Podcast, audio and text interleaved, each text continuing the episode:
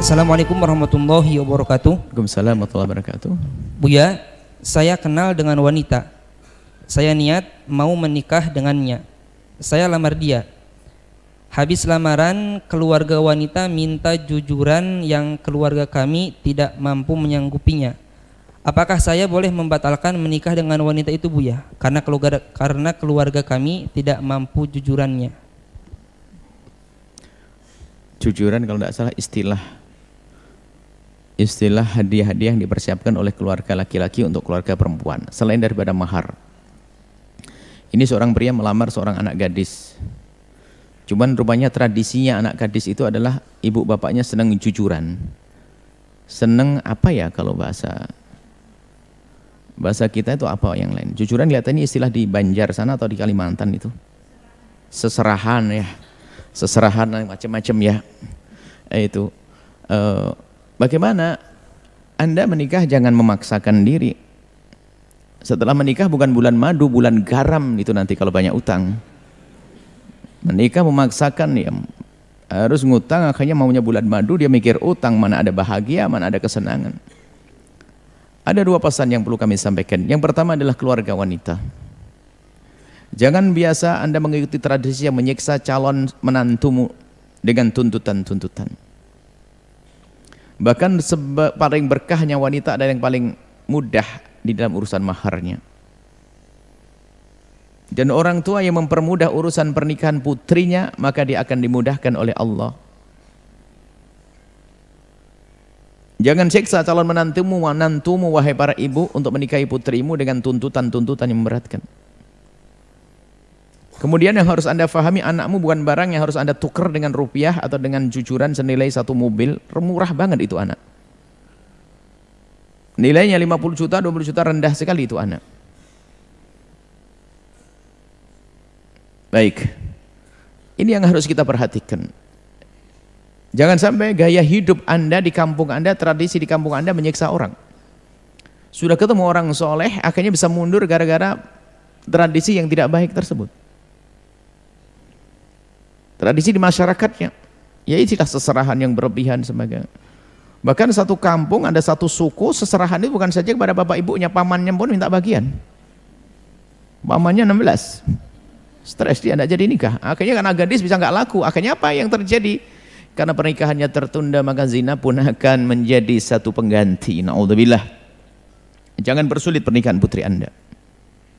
Wahai para bapak, Alangkah banyaknya orang-orang besar yang menikahkan putrinya.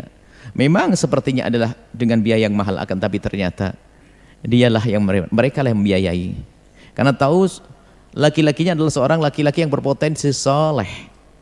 Anak baik. nggak punya apa-apa. Hanya punya akhlak dan ilmu. Dinikahkan dengan putrinya.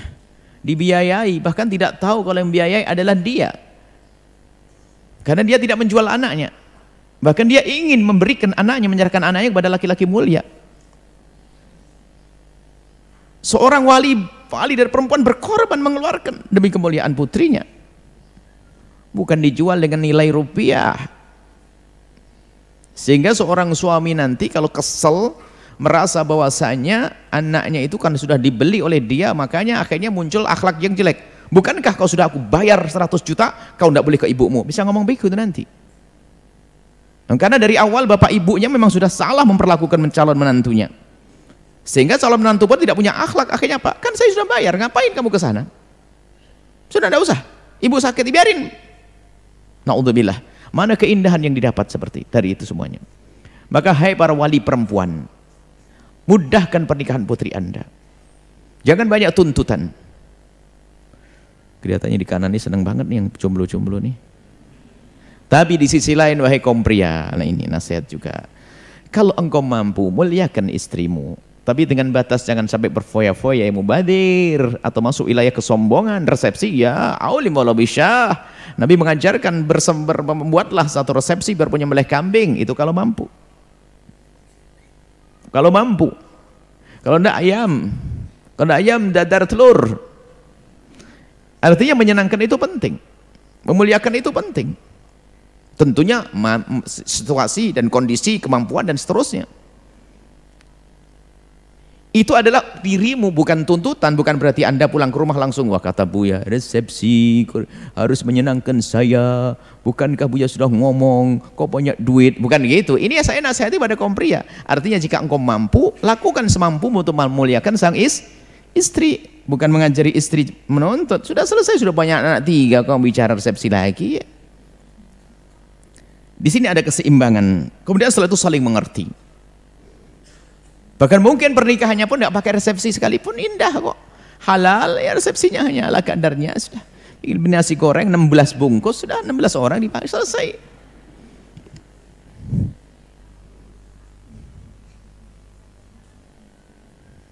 Dan kita menemukan orang yang nikahnya belum pernah resepsi.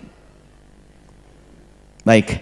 Jadi seperti itu, jangan mempersulit. Kemudian pertanyaannya adalah, Apakah saya boleh mundur? Ya sangat boleh mundur. Anda tidak mampu. Apakah harus dipaksa? Enggak boleh dong memaksakan Anda mau minjem uang dan seterusnya. Memang minjem uang enggak pakai bayar. Kalau sudah Anda harus bayar, mana keindahan yang Anda dapat? Mau Anda memaksakan diri. Kan wanita tidak dia saja. Calon mertua kan masih banyak. Sejagat luas begini kok kau Anda anggap dunia seluas daun kelor. Masih banyak. Jika calon mertua itu tidak bisa menerima apa adanya tentang beradaan Anda, bukankah di kiri kanan Anda masih banyak calon mertua? Jangan paksakan diri Anda. Permasalahan adalah kalimat kalimat yang selama ini sering dihadirkan oleh anak-anak muda dan tua juga karena cinta. Ini biasanya karena terlanjur cinta akhirnya memaksa. Cinta harus cinta kok diobrol sebelum nikah. Padahal cinta adalah setelah nikah nanti. Ya karena sudah cinta apa gimana? Enggak mungkin saya meninggal. Itulah engkau telah diseksa oleh oleh cinta yang ada di dalam hatimu. Padahal cinta kan tidak boleh menyiksa. Cinta akan menjadikan semuanya indah. Bukan menyiksa dirimu yang tidak mampu menjadi anda paksakan diri. Mana ada keindahan? Bahkan nanti kok indah cinta adalah memaafkan kok kalau memang calon mertuamu mencintaimu dan calon istrimu mencintaimu, dia akan memaafkan. Jangan berat-berat bang, yang penting kita halal deh di hadapan Allah, ridho, selesai, resepsinya nanti di surga aja deh. Bukan menyiksa, mana ada cinta menyiksa. Mana ada cinta seorang istri menyiksa suaminya harus sampai jarang bertemu, dapat duit banyak-banyak, sampai nggak pernah ketemu, nggak apa-apa, yang penting duitnya datang. Ini kan gila. Nah, cinta itu yang menjadikan indah semuanya, bukan menyiksa. Baik, kalau memang anda tidak mampu, jangan dipaksakan dong. Karena nggak boleh. Kita mencuri nggak boleh, mengambil yang haram nggak boleh. Bahkan biarpun ada orang meminjamkan uang kepada anda, tidak harus anda ambil. Kenapa?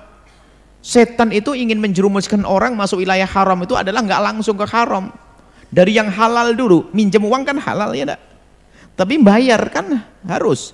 Setelah bayar nggak mampu kan dituntut pengantin baru dituntut pusing dia. Malu sama mertua malu sama istri. Akhirnya apa? Dia harus bayar utang. Kemudian nanti yang punya duit ngomong kalau tidak kamu bayar dalam bulan ini saya akan cerita ke mertuamu. Wah tambah takut lagi.